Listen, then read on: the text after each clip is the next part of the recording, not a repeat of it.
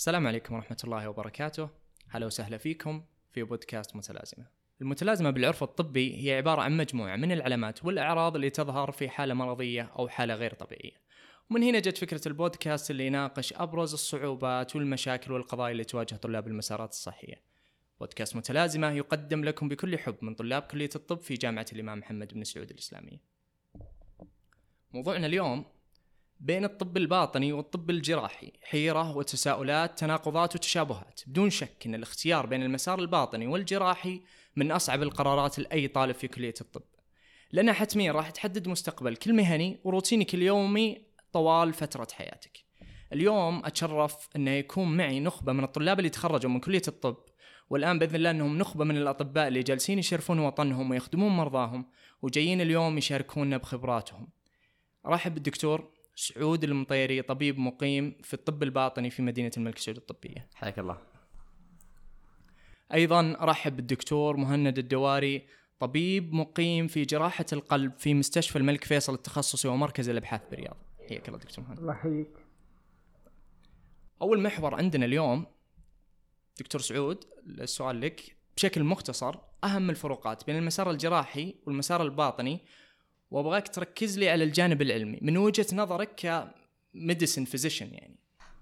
آه في اعتقاد إنه الطب الباطني آه علم ضخم جدا. آه الحالات فيه من الحالات الحادة للحالات المزمنة جدا. آه فالطيف من الأمراض الواسع هذا آه علميا يحتاج قراءة مستفيضة. آه على إنه في بعض التدخلات التدخلات الجراحيه بسيطة ندخل اخواننا الجراحين. آه ولكن آه علميا يحتاج قراءة يحتاج الكثير من الممارسة آه لأنه علم ضخم جدا. تمام. طيب آه في فرق بين الجانب العلمي بين الجراحه والباطنة من جانب البراكتس نعم. يعني. في فرق في العمل من ناحيه من ناحية طريقة العلاج في بعض في بعض الأمراض. بعض الأمراض العلاج الوحيد العلاج الوحيد لها إنها علاج جراحي فقط. وميزتها إنها بمجرد ما تنتهي العملية ينتهي تقريبا ينتهي تقريبا العلاج. طيب من وجهة نظرك الدكتور مهند السؤال عندك الحين. وش اللي تشوف؟ يعني أنت سمعت وش اللي قال الدكتور سعود عن الفرق بوجهة نظره شخصية كطبيب باطني أنت كطبيب بالجراحة الحين وش اللي تشوف الفرق بينكم؟ طبعا التخصصات الجراحية هي كثيرة. يعني ما هو بتخصص واحد معين. لا كل تخصص يختلف. لكن بصورة عامة الفرق الرئيسي اللي ممكن بين الطب الباطنه وطب الجراحة هو اللي يعني ممكن تحتاج أنت إلى قراءة بسبب كثرة الأمراض. برضو بإضافة أنت تحتاج إنك تطور مهاراتك الجراحية. كذلك. لأنك أنت راح تتعامل مع المريض. في غرفة في التنويم وراح تتعامل مع المريض في غرفة العمليات.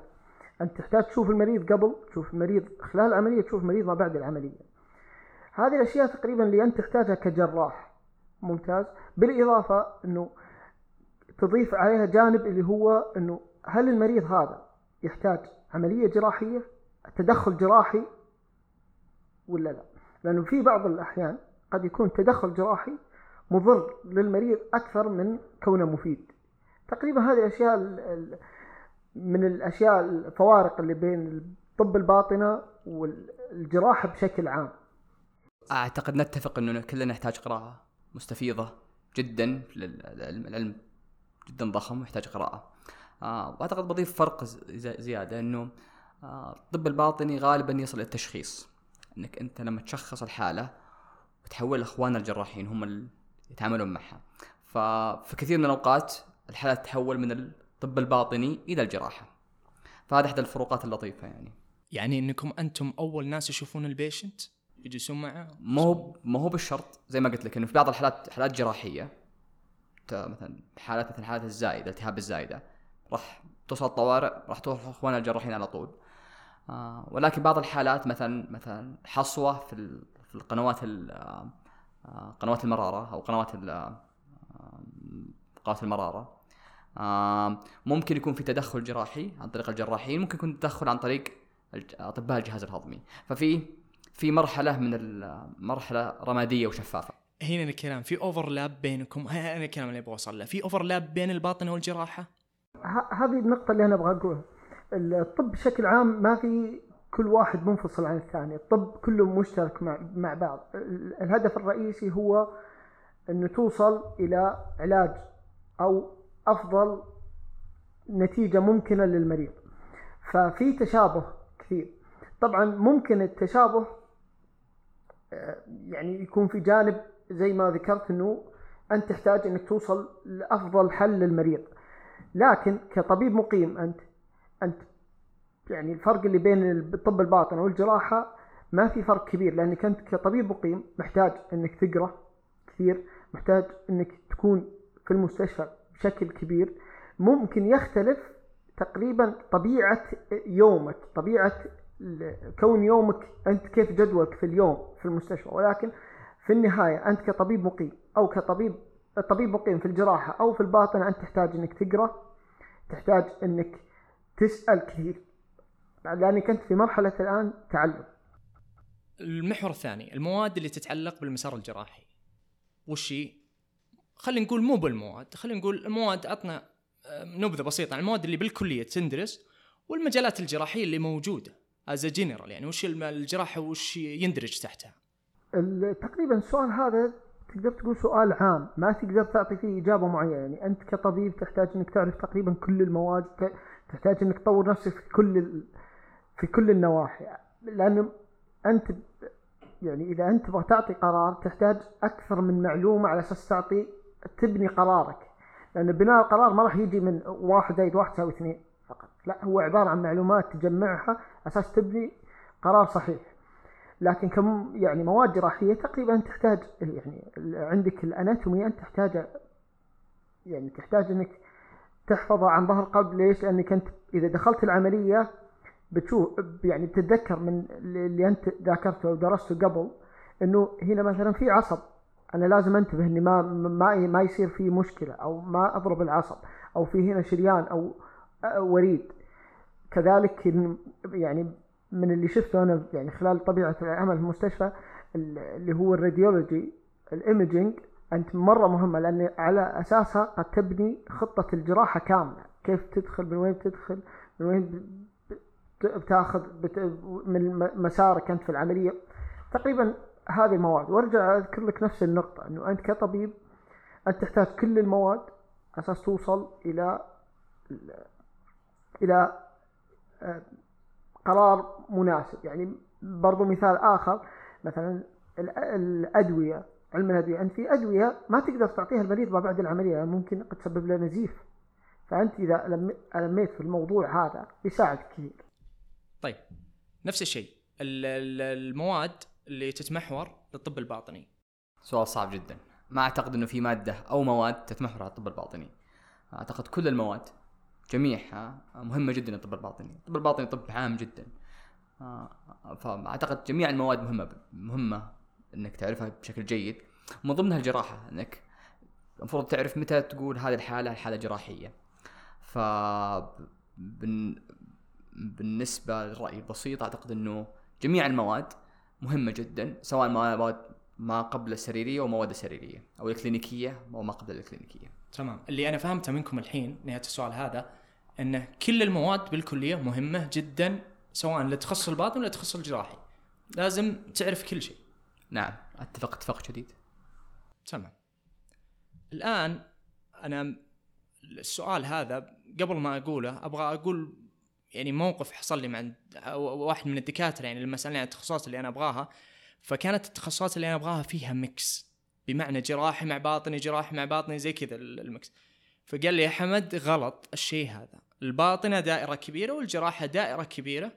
وقال لي مثال قال أنه من تردد بين مقعدين سقط على الأرض. اختار يا أما تبغى باطنة وتحتها تفرعات دوائر صغيرة أو جراحة تحتها دوائر صغيرة.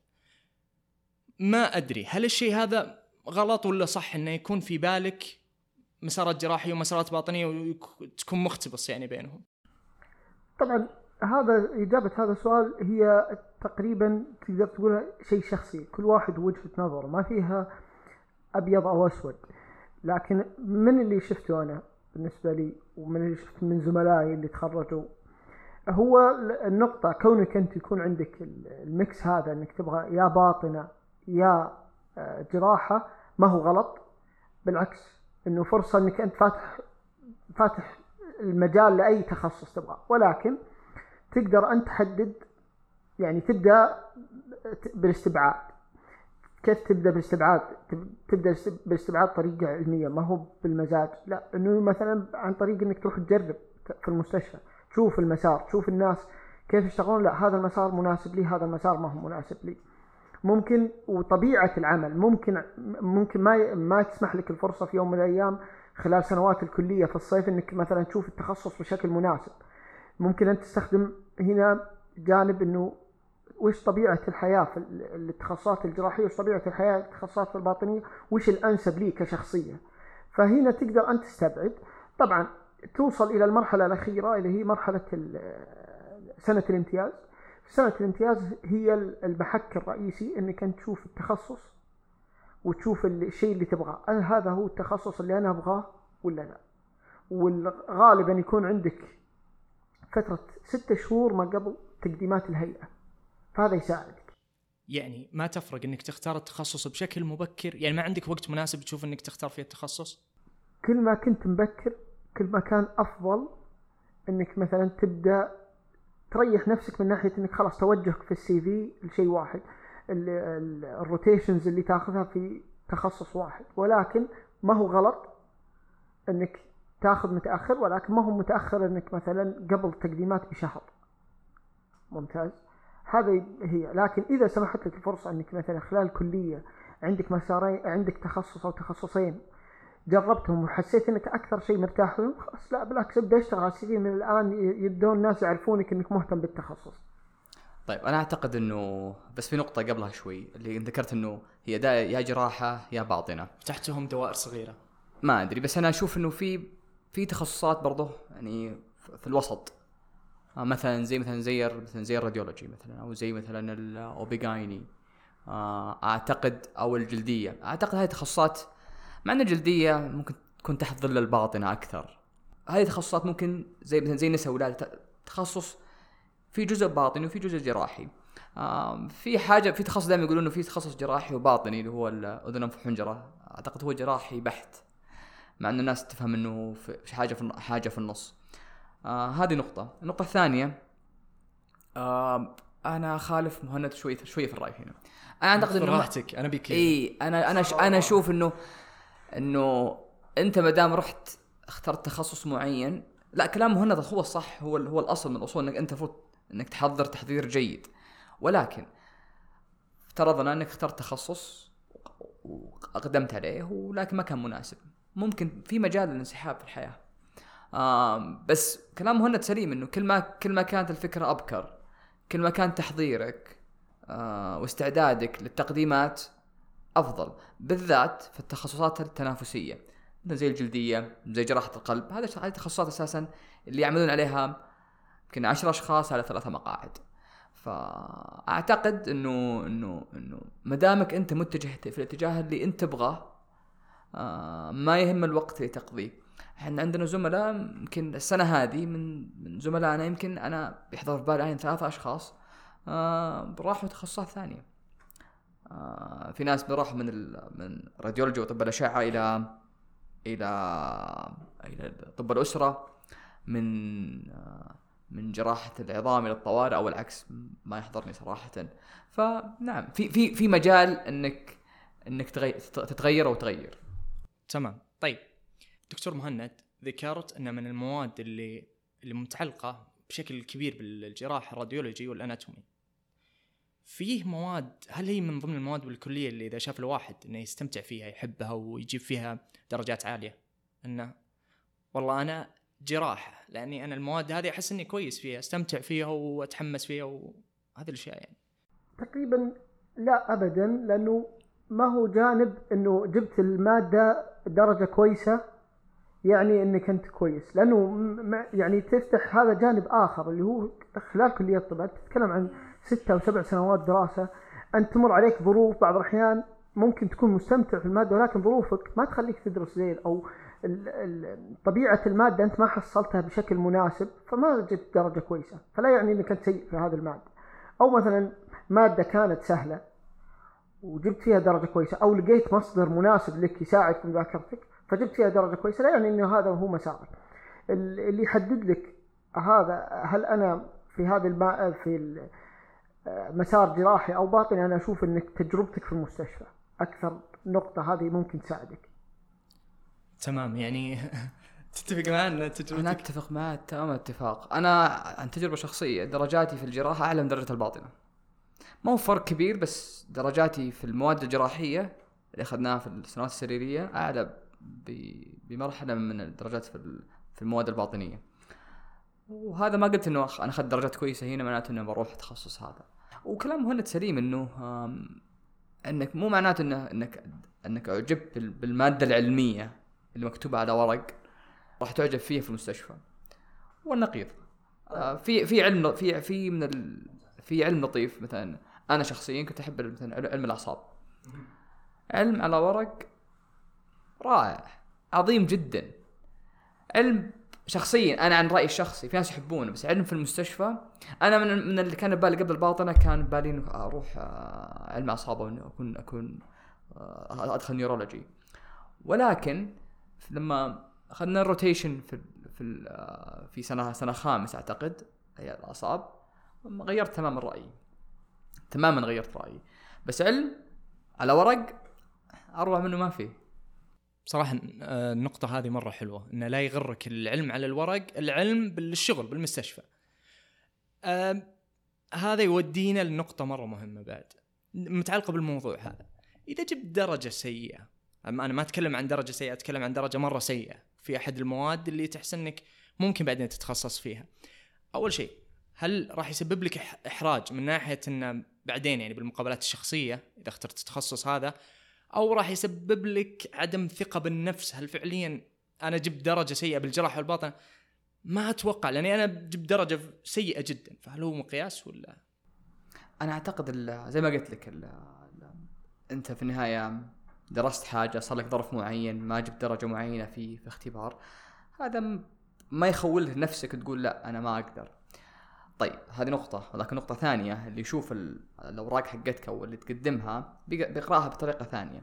المفروض يكون عندك آه أشياء تدعم موقفك إنك لا أنا آه أنا أفضل أنا عندي أشياء مثلا سرد مثلا واحد اثنين ثلاثة أربعة أنا سويتها هي كانت جيدة تدعم موقفي في القبول. ولكن توقع توقع سؤال إنه يجيك يقول لك آه ليش جبت مثلا آه دال أو دي في المادة هذه أو أو. أقول لك سيئة يعني أو ليش مثلا ليش رسبت في المادة هذه توقع بكل بكل بساطة أنا لو أنا لو عندي مقابلة وعندي شخص مثلا يبغى يبغى جراحة وجاب مثلا رسب في مادة الجراحة بسأله ليش؟ إذا ما عنده إجابة فعلية معناته إنه ما هو ما هو مهتم أو ما هو ما عنده شغف في ال- في التخصص مع إنه هذا برضه مو شرط أساسي بالنسبة لأنه جبت درجة سيئة في المادة هل بتسأل عنها في المقابلات الشخصية؟ غالبا ال- المقابلة الشخصية هم ما ما يركزون على جانب واحد يعني ما راح يشوفون سجلك الأكاديمي فقط. هم بيشوفون على أشياء ثانية أكثر من شيء. فكل هذه أشياء تساعدك إنه تساعدهم هم يقبلونك ولا لا زي ما ذكر الدكتور سعود هو إذا أنت مثلا جبت في في مادة معينة درجة سيئة ال- ممكن وانت حاب ال- التخصص هذا لا ممكن تدعم السي في حقك بشكل إنه الناس حتى اللي جايبين معدلات في الجامعة أعلى منك انت تقبل عليهم. ممتاز؟ ولا يعني كذلك برضو إنه معدلك عالي إنه معناها التخصصات كلهم يبغونك. لا ابدا. المقابلة الشخصية تماما مختلفة عن إنه درجات هي ما هي درجات آه، فقط. هي عبارة عن أشياء كثيرة تساعدهم. هل نقبل هذا ولا لا؟ بالنسبة للمستوى الشخصي إنه هل ممكن أتحطم؟ طبيعي إنك ممكن يجيك الشك بينك وبين نفسك ولكن دائما إذا جربت وحبيت الشيء فأنت تقدر عليه بإذن الله. طيب يعني على النقطة اللي أنت قلتها الحين وش ال- الأشياء اللي أنت أنت ذكرت ان في نقاط كثيرة لأن ال GPA مو برقم واحد بالقبول صح؟ صح؟ طيب وش الفرص اللي اللي تزيد القبول؟ طبعا هي تختلف من تخصص إلى تخصص. وكذلك مستشفى لمستشفى ولكن بشكل عام أنت ال GPA مهم معدلك الجامعي مهم. ولكن إذا خذيت عندهم وعرفوك واشتغلت عندهم وكنت كويس بيكون عندهم نظرة عنك. إنه هذا الشخص لا كويس نجيبه الحاجة الثانية اللي هو your CV أنت قاعد تشتغل في التخصص ولا لا؟ يعني مثلا أنت تبغى تخصص جراحي وأنت قاعد تسوي لي كلها مثلا medicine لا هذا كيف أقبله؟ كذلك حضورك وقت المقابلة ال attitude حقك وقت المقابلة.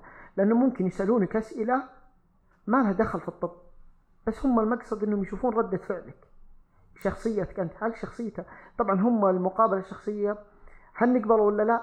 والسؤال الثاني عندهم بشكل عام هل هذا الشخص مناسب إنه يكون معنا في بيئة العمل؟ ولا لا؟ لأن أنا يعني أنت تحط نفسك مكان واحد بيوظف شخص. أنا أقبل شخص مزاجي عصبي ما يعطي أحد وجه ما يتكلم مع أحد ما أو ما ما يحب أحد يناقشه دائما هو صح. طبيعي ما راح تقبل. صح ولا لا؟ يعني أنا يعني مثلا السنة الماضية ال- شفت الناس اللي مثلا في بعض التخصصات إنهم هذول كان بيقبلونهم ولا لا؟ يعني هذا شيء صراحة كان بنقاش بين الريزدنت أنتم اشتغلتوا مع فلان. فلان كيف مستواه؟ كان في بعض الناس كان يقول والله هذا ال- الانترن كويس ممتاز. يشتغل من الناس اللي الناس اللي يسمع. إذا مثلا قلت له أنت غلطان أو عندك غلط يصلحه وكذا بعض الناس لا والله هذا ما نرشح يكون معنا. الله يوفقه. ولكن ما هو في بيئة العمل معنا لأنه ما هو مناسب. لأنه طبيعته ما هو قاعد يستجيب ما هو شخص مسؤول. صحيح. أتفق مع مهند صراحة أو دكتور مهند. آم، إن يكون عندك أرقام عالية وشخصية سيئة بالعكس هذا ممكن يخليك تطلع من الليسته في أسرع وقت ممكن. آه، أو تكون في أسف أسفل الليسته في عندنا نفس التجربة. إحدى الزميلات آه، كانت فترة امتياز كانت رائعة جدا. يعني آه، الأرقام حقتها ك ك كأرقام يعني كجي بي اي كأختبار اسم اللي كابحاث كلها يعني ممتازة جدا صراحة. ولكن كانت صعبة التع... كانت التعامل مع زميلاتها في نفس في نفس زميلات طبيبات الامتياز كانت صعب بس مع مع الريزدنت كانت كويسة. فقالوا هم في ضمن النقاش إنه أها ممكن إذا جت معنا حتكون صعبة معنا هي قاعدة تمثل. ف وهذا شيء ما خلاها تقبل في المستشفى اللي قدمت له. فأتفق أتفق مع مهند اتفاق تام. طيب ال- ال- النقطة هذه اللي بتكلم فيها الحين يعني نحتاج نكون صريحين ما ما أحتاج أكذب على أحد أو أقول كل شيء ممكن أنت تقدر تدخل أي تخصص. يا جماعة أبغاكم تتكلمون بصراحة. نسب القبول والتنافس بين التخصصات. وقل لي وش اللي يحتاج إني أسوي؟ إذا أنا أبغى تخصص تنافسي أو سواء أبغى تخصص جراحي أو تخصص باطني وش اللي يحتاج أسويه بالضبط علشان أنافس ذا العالم يعني؟ طيب هذا السؤال أعتقد إنه آه، يعني آه، كبير جدا لأنه في تخصصات ما, هي مطروحة هنا. بس حتكلم بصفة عامة. أول شيء خلينا نتكلم عن الباطنة. الباطنة المتوسط المتوسط حقها بسيط جدا ما هو من الأشياء الصعبة القبول فيها. يعني يعني كنسبة مركبة ما بين الاختبار الاسم اللي والمعدل آه، وال- والمعدل الجامعي والمعدل التراكمي. أعتقد إنه من 70 إلى 75 أعتقد نسبة جيدة. بس تفرق تفرق من سنة لسنة صراحة. بس كل ما كانت أرقامك أعلى اتكلم عنها كنسبة مركبة. كل ما كانت أرقامك أعلى كل ما كان نسبة قبولك أفضل. طبعا بالنسبة للطب الباطني ال- ال- المراكز فيه كثير عديدة صراحة. يمكن يمكن فيه 12 مركز. بس أتوقع السنة هذه قللوها ما ما عندي علم صراحة. إنك تروح مركز ممتاز إنك تروح مثلا المستشفى الملك فيصل التخصصي أو تروح مدينة الملك سعود الطبية أو تروح مستشفى الحرس الوطني. آه، أعتقد لازم تكون عندك درجات ممتازة زائد سي في ممتاز عشان يخولك إنك تروح. آه، في تخصصات مثل زي تخصص الجلدية. آه، أعتقد إنك تحتاج تجيب درجات جدا عالية في الاختبار الأسمبلي والمعدل والسي في حقك عشان يخولك إنك إنك تتنافس على المقابلة. على عكس الباطنة نفسها. آه وتخصصات الباطنه أعتقد تندرج تحت مسمى الباطنة بصفة عامة يعني. أعتقد آم، الجلدية هي أصعبهم. أما في الجراحة أعتقد عندهم أكثر من تخصص تنافسي لأن مقاعدهم أقل. بالنسبة للجراحة ال- طبعا موضوع السؤال عام. التخصصات جراحية كثير. وزي ما ذكر الدكتور سعود اللي هو جانب إنه التخصصات الجراحيه تقريبا كمقارنة بينها وبين الباطن تكون درجاتها أعلى. بسبب قل المقاعد بسبب ال- ال- الشيء الثاني نوعي ال- الناس اللي تتنافس غالبا تكون درجاتها عالية. يعني مثلا في مثلا تخصص يعني مثلا أنا في ال- السنة اللي قبلت فيها جراحة القلب كانت المقاعد اللي متاحة في الرياض ستة والمقاعد اللي بيدخلون اللي بيقبلون اطباء مقيمين ثلاثة. كذلك أحد الزملاء في طب الأطفال طب جراحة الأطفال. آه، طب جراحة الأطفال كانت عدد ال- المقاع المرشحين للمقابلات ستة وعدد القبول أربع أشخاص فقط. فطبيعة التخصصات الجراحية تكون النسبة فيها أعلى. أضيف لك برضو جراحة تجميل عندنا الدكتور فهد آه، كانوا على ست أشخاص على مقعدين. فصح هذه هي النقطة. غالبا التخصصات الجراحية تكون فيها نسبة تنافس أعلى. فتحتاج أنك أنت تجيب درجات عالية ما هو مقصد الرئيسي أنك تقبل في التخصص بقدر ما هو تترشح للمقابلة بالنسبة للجراح المهارات اليدوية قبل التخرج هل هو شيء مرة مهم إن الشخص يكون عنده مهارة يدوية قصدي إذا أنا بقدم على ريزيدنت على مقعد يعني بال إذا بقدم على مقعد مثلا بالجراحة وأنا صراحة ما أعرف أمسك مشرط ولا ما أعرف أمسك مقص ف إيش رأيك يعني؟ كون وجود المهارات يدوية قبل ال- الجراحة يعني هو هل أنا عندي المهارة ولا لا؟ لا, ما هو شيء مطلوب. ولكن المط- مطالب أنت فيه أنك تأخذ كورسات جراحة أساسيات الجراحة خياطة. كذا هذه أشياء من الأشياء المطلوبة أنت لازم تعرفها قبل أو لازم تكون مأخذها لأن أصلا تعلمك أنت طبيعة يدينك تبدأ تشتغل تعرف طبيعة الشغل. النقطة الثانية تساعدك حتى في القبول. سؤال ثانوي. الأشخاص اللي مثلا عندهم زي ال- ال- اللي يشيلون أثقال مثلا ويلعبون ألعاب رياضية وكذا اللي تزيد التريمر عندهم هل يفرق بالمستقبل الجراحي؟ شوف كون ال- ال- الشخص عنده رعشة لا يعني طبعا إذا كانت رعشة ما هي ما بسبب مرض فغالبا ما راح تكون مؤثرة عليه بشكل كبير.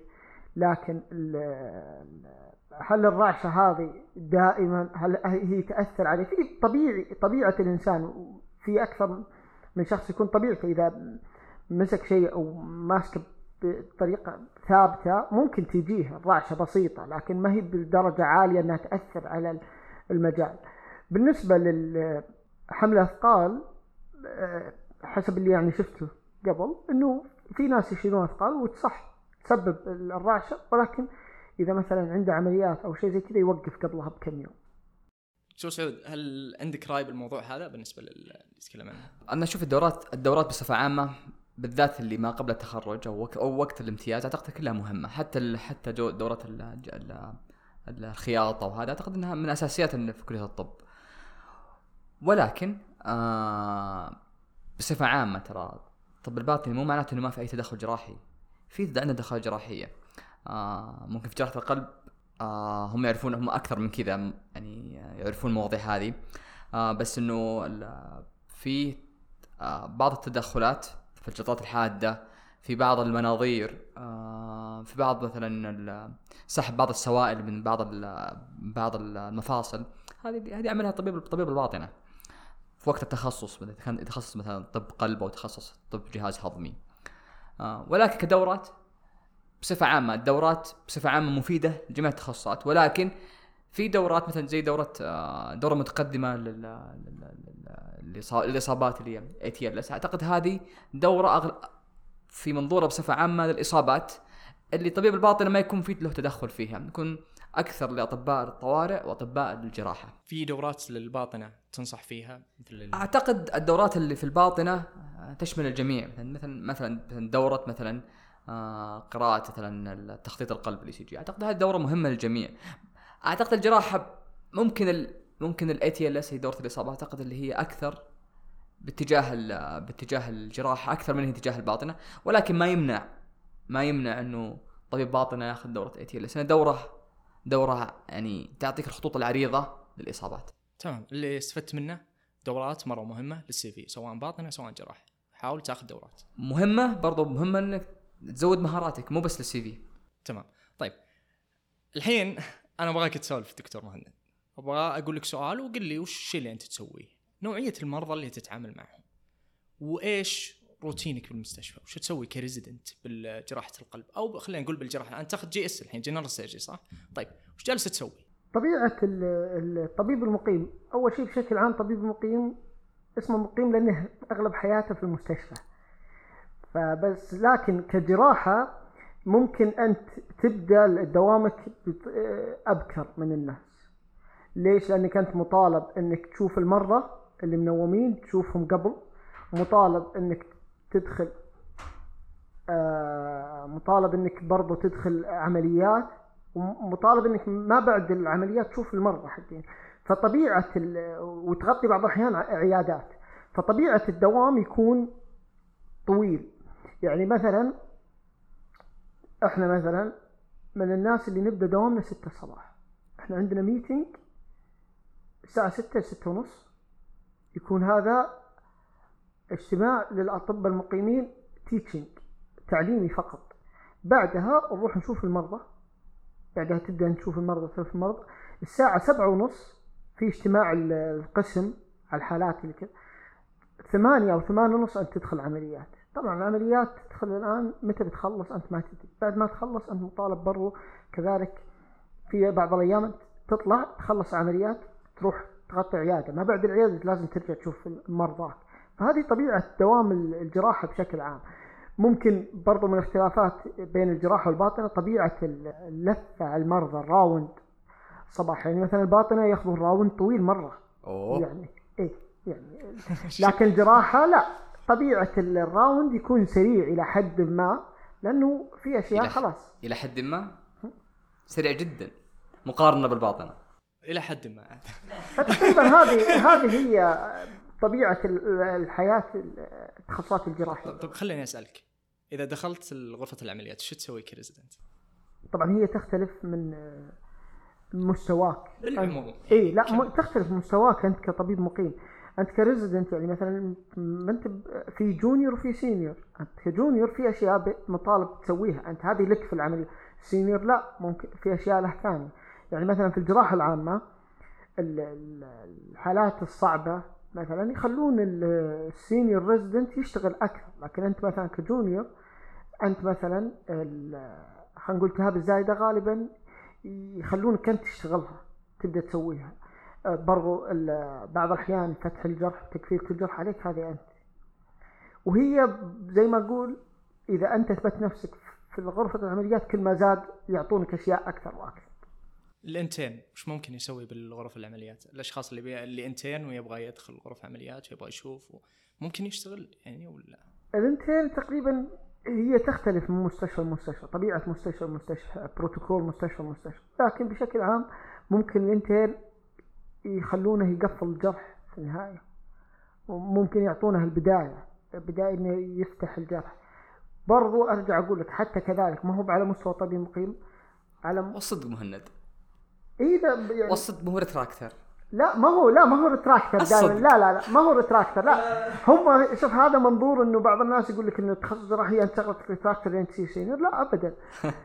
ما هو شغلتك أنت إنه كل ما اشتغلت يعني كل ما أعطوك شغلة أعطوك شيء بسيط أثبت إنك كويس فيه فأعطوك أشغال زيادة. منها هذه النقطة اللي أنا ذكرتها قبل إذا أنت ماخذ الدورات حقات الخياطة وكذا فهم إذا جيت واشتغلت بيزيد لك الشغل. برضو النقطة الأخيرة هي تختلف برضو كذلك مو مستشفى مستشفى تختلف من استشاري استشاري في بعض الاستشاريين يقول لك لا أنا بخلص ما أنا فاضي الحين نتعلم نتعلم بكرة مو باليوم. فهي تختلف زي كذا. شفت بعض ال... شفت استشاري مخلي الانترن يمسك له الجوال في وسط العملية. اي إيه، هذه عاد هذه هذه أتوقع من وظائفك العملية. إنك إنك تدي- تدير ال... شوي بعض الأشياء يعني. طيب دكتور سعود؟ طيب آه، أعتقد عندنا مختلف إلى حد ما. آه، يفرق من مستشفى لمستشفى بس خلينا نتكلم عن المستشفى ال- الجامعي أو مدينه الملك سعود الطبية. آه، في أيام اللي اللي ما فيها مثلا التي ال team اللي أنت معاه ما يكون فيه دخول للمرضى وهو اللي ما هو بالمنا... ال team المناوب. عندنا ال ال- ال morning meeting يبدأ الساعة 7 45 8 يستمر 45 دقيقة تقريبا. تناقش فيه بصفة عامة عن ال- ال- الدراسات أو بعض الأحيان يتناقشون بعض الحالات الطبية. بعد كذا نبدأ ال ال يفرق من team ل team برضو بس نقول خلينا نبدأ نبدأ ال resident نشوف المرضى اللي اللي يتابعهم. آه بعدين يبدأ نقول مثلا يعطون ساعة وساعه ونص. بعدين يبدأ ال round مع مع الفريق الطبي. ال round مع الفريق الطبي ال round كامل يعني حتى لو لو لو يشوفون في المستشفى يشوفون يمكن يمكن 15 واحد أو 20 واحد يمشون مع بعض فاعرف إنه هذا فريق باطنه لأنه تلقى فيه استشاري. وكذا senior resident وكذا junior resident وكذا intern وكذا student في نفس. في نفس الموكب الكبير هذا. فيشوفون يشوفون المريض. ال resident يقدم الحالة قبل لا يخش قبل قبل يدخل على المريض. يقدم الحالة لأنه هو شافها صباح اليوم. اخر آخر ال- آه، اللي صار معاه clinically. آه، آخر الفحوصات حقته المخبرية وآخر الفحوصات ال- التصويرية ال- ال imaging اللي سواها بعدين يشوفون المريض.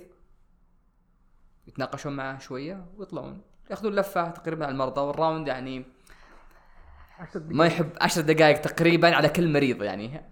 إذا عندنا عشرين مريض فحسبها بتحسب ممكن يكون يتخلله شوي شوية teaching شوية أسئلة. آه، بعدين تروح تخلص أشغالك ال- في الخطط اللي اتفق عليها في وقت ال round. سواء تكلمت عن تخصصات تخصصات ثانية أو تسعى في بعض الأوراق. على نهاية اليوم يسوون إحنا نسميها closing round إيش صار معاك؟ وش ممكن نسوي بكرة؟ وممكن إذا المريض عندك تعبان أو حالته صعبة تعطي آه تعطي الفريق المناوب. طبعا إحنا ممكن ما نبدأ أبكر بس ممكن نط- نطلع متأخر شوي. آه لأنه ال- العمل على المرضى يعني بعض الأحيان يطول شوي بالذات إذا كانوا تعبانين يعني. طيب وش نقطة الضغط الشيء اللي أنت تكرهه بالباطن نقطة الضغط اللي تهد حيلك يعني أو تعبك. الصدق ال paper work إنك أنت تقعد أتوقع أتوقع ال- بالنسبة للجراحة أتوقع هذا بالنسبة لهم أغثى أكثر من الغث اللي إحنا نحسه. ولا لا مهند؟ صح أتفق تماما. ال paper work إنك إنك إنك تكتب ال note وتكتب note جيدة وتكتب هذه. هي مهمة جدا مهاره لازم تتقنها. ولكن لأنك بتكتب ففيها شوية فيها شوية يعني غثاثة في الموضوع. بالذات بالذات إذا المريض طلع من المستشفى تكتب ال discharge note حقته. هذه عاد قمة الغثاثة. صح ولا والمشكلة إنها بعض الأحيان حتى تعطلك عن دخولك العمليات. يعني بالنسبة للتخصصات الجراحية ممكن يقول لك خلص المرضى وخلص كل شيء بعدين تعال ادخل العملية. فهذا شيء يمنعك يأخرك من هذا الجانب.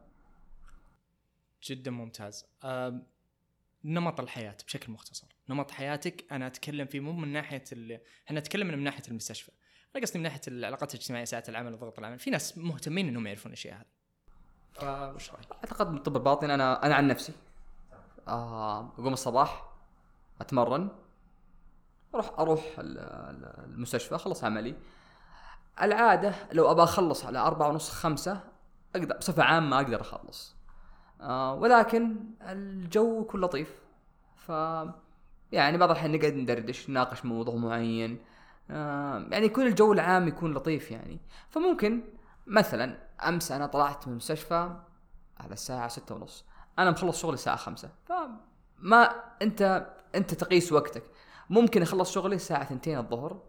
أنت وأنت أنت وحظك والأيام اللي معك. ممكن يوم تضطر أنك تقعد الساعة ثمانية في الليل. إنه الأوراق العمل ما خلصته. ولكن بصفة عامة تقدر تطلع بدري تمارس كل اللي تبغاه. ولكن أنت وراك ترقيات وراك مرضى لازم تتعلم كل يوم. فأعتقد إنه ممكن تواكب الشيئين هذه. ما أعتقد إنه في إشكال. عندك رأي دكتور مهند؟ بالنسبة للتخصصات الجراحية يمكن واحدة من الأسباب اللي خلتني أختار تخصصات جراحية بشكل عام اللي هو الجدول ما يكون ثابت. يعني طبيعة اليوم حقك تختلف. تماما. يعني ما ما أتكلم عن مستوى اطباء مقيمين ولكن أتكلم عن مستوى أعلى. ممكن اليوم تطلع الساعة واحدة الظهر يمكن اليوم ما عندك حاجة انت بس تشوف مرضاك الصبح تخلص. لكن بكرة مثلا ممكن تطلع الساعة 11 الليل. ممكن تطلع متأخر أب- يعني توصل مثلا بعض الأحيان ال- ال- المشاكل اللي تصير في العمليات تطلعك جدا متاخره فهي الجدول كونه مو ثابت يعني هذا أنا بالنسبة لي أشوفها ميزة أكثر من إنه عيب. الحاجة الثانية طبيعة العلاقات هي تعتمد على الشخص نفسه. يعني مرينا بالتجربة هذه في أيام كلية الطب، كلية الطب كان في بعض الناس يقول مثلا أنا ما قادر فقدت علاقاتي مع أهلي مع أصحابي وكذا بسبب طبيعة ال- ال- الدراسة وضغط الدراسة. ثم جو بعضهم وصل لل- للطب الإقامة يقول لك لا أنا واجهت هذه المشكلة وزادت واختفت لا هي أنت كيف تقدر تتحكم بيومك؟ هي تعتمد على مستوى شخصي أكثر من أنها طبيعة عمل يعني حتى كذلك لو أنك طول الأسبوع آه، منضغط دوامك عندك ويكند ممكن تقدر تطلع ممكن تنام. فشيء يعتمد شخصي بحت. طيب خليني سم إي بس بإضافة بإضافة بسيطة. آه باختلاف برضو المناوبات يعني إذا أنت تخطط الأسبوع حقك كويس. حاط مناوباتك في اوقات اوقات معينة. يمديك يمديك تطلع زي ما تبغى صراحة. مو زي ما تبغى بالضبط بس زي ما انت مخطط له. أنا باطن أنا أنا في باطنه ومهند جراحه وتقابلنا كذا مرة. وما ك... وكانت مقابلتنا مو مو بصعب انه يعني كان كلم كلمني مثلا يوم الجمعة طلعنا يوم الاثنين. صح في أوقات ما ضبطت جت مناوبة في النص مرة المهند. ولكن بصفة عامة تقابلنا خلال ثلاثة أيام. آه المناوبات تفرق من مستشفى لمستشفى. من تخصص لتخصص يعتمد على عدد, الأطباء المقيمين. آه في الجامعي عندنا تق... في الطب الباطني في الجامعي عندنا يفرق من برضو من أنت في أي تخصص جوا الباطنة. بس خلنا نقول مبدئيا من ثلاثة إلى خمسة مناوبات آه، في الشهر. مو في الشهر في أربع أسابيع بالنسبة للمناوبات يعني نقطة المناوبات هي كنظام هيئة على ما أعتقد أنت كطبيب مقيم عندك سبعة إلى سبعة ونص مناوبة في الشهر أنت مطالب فيها. طبعا هل أنت كلها لازم تاخذها؟ تختلف من مستشفى لمستشفى من قسم لقسم. طبيعة الأطباء المقيمين اللي كانوا موجودين. يعني تمر عليك ممكن شهور. يعني من التجربة اللي أنا عشتها ممكن تمر عليك شهور تاخذ ثلاث مناوبات فقط. ممكن تمر شهور عليك أن تاخذ ستة لأنه ما في عدد.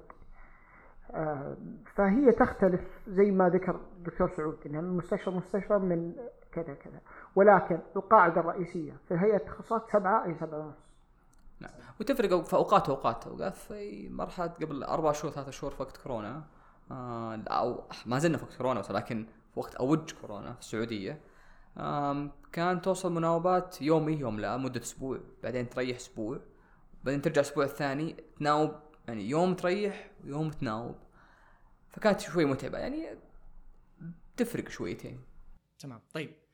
آه سنوات ال residency وسنوات الكلية يعني أنتم ما شاء الله ال very good student بالكلية والآن أنتم resident أبغى أشوف الفرق بين أخذ المعلومة يوم إنك طالب تدرس بالكلية عندك اختبارات والآن ك resident كيف تتعلم ك resident والفرق بين طريقة التعليم الآن ووقت الكلية. طريقة التعليم أنا بالنسبة لي أشوفها مختلفة تماما. أنت في الكلية مثلا مطالب إنك تحضر محاضرات وأنت على أساس حضورك ممكن تدخل اختبار ولا ما تدخل. ممكن تكون ال ال ال في يعني في الأول والأخير في شخص يقدم لك المعلومة. بعكس في طب الإقامة لا. في طب الإقامة أنت آه، ممكن أنت ما في أحد بيعلمك إلا يجي يعطيك من خبرته أو من تجربته أو يعطيك أشياء بسيطة ولكن تعتمد طب الاقامه تماما عليك أنت شخصيا قراءتك أنت برا المستشفى أو في المستشفى يعني. هي تعتمد عليك شخصيا يعني. في الكلية صح تعتمد عليك ولكن بدرجة أقل. في طب الإقامة لا بدرجة أعلى لأنه ممكن يمر عليك شهور ولا واحد يعطيك معلومة. أنت المعلومة أنت اللي تأخذها فقط. برضو أعتقد إنه إنه في وقت الاقامه إنه في عمل إنك أنت تعمل وعن طريق العمل اللي تعمله قاعد تتعلم. آه آه في أشياء بتقراها بعمق أكبر في ضمن ضمن مجال ضمن مجال تخصصك آه بصفة عامة يعني. آه ولكن آه زي ما قال دكتور مهند في أشياء في أشياء يعني ما انت ملزم فيها انك مثلا مثلا مو مطلوب منك انك تحضر محاضرة فلانية. الصدق. لا والله مطلوب منك. عندنا يعني الصدق يعني. عندنا morning meeting لازم تحضره. حتى أعتقد مهند لازم تحضره. بس مو مطلوب بس فكرة مهند مو بجدول محاضرات. الساعة 10 عندك محاضرة فلانية لازم تحضرها. عندنا إحنا نسميها half day half academic day اللي هو عندنا مثلا يوم مثلا يوم الاربعاء خلاص أنت آه مستثنى من آه، من من الوظائف الكلينيكيه حقتك. خلاص أنت تروح عندك محاضرة تحضرها. ولكن يعني بس ما هو ما هو بشرط أساسي إنك تحضرها. يعني هو المفروض المفروض إنك تحضرها بس إنه إذا غبت عنها ما هو يحسبون عليك مثلا إذا عديت 25% زي الكلية راح تصير حرمان راح ترسب في المادة. هذه في النهايه عندك ترقية يعني ما هي ما هي بمواد. أعتقد هذه الفكرة. آخر محور. صراحة شيء شخصي أنا ما شيء شخصي يعني it's up to you يعني قل اللي تبغى تقوله. ليش ليش اخترت ال- ال- الباطنة؟ دكتور سعود؟ طيب آه ليش اخترت الباطنة؟ أول حاجة آه أول شيء هو علم كبير جدا. يعني آه اختيار الباطنة آه مثل ما إنك تختار كلية الطب نفسه انك بعد ما تختار كلية الطب وراك يمكن ثمانية أو تسعة تخصصات دقيقة مستقبلية. ولكن اختيار الباطنة آه كان بالأصل إنه آه العلم اللي فيه فيه في قراءة كبيرة في علاج المرضى العلاج هذا علا- علاج دوائي العلاج هذا أو تدخل جراحي بسيط. علاج هذا يفرق في حياة المريض إنك تتناقش مع المريض آه إنك تشوف التحسن أمام عينك إنه في تدرج في التحسن.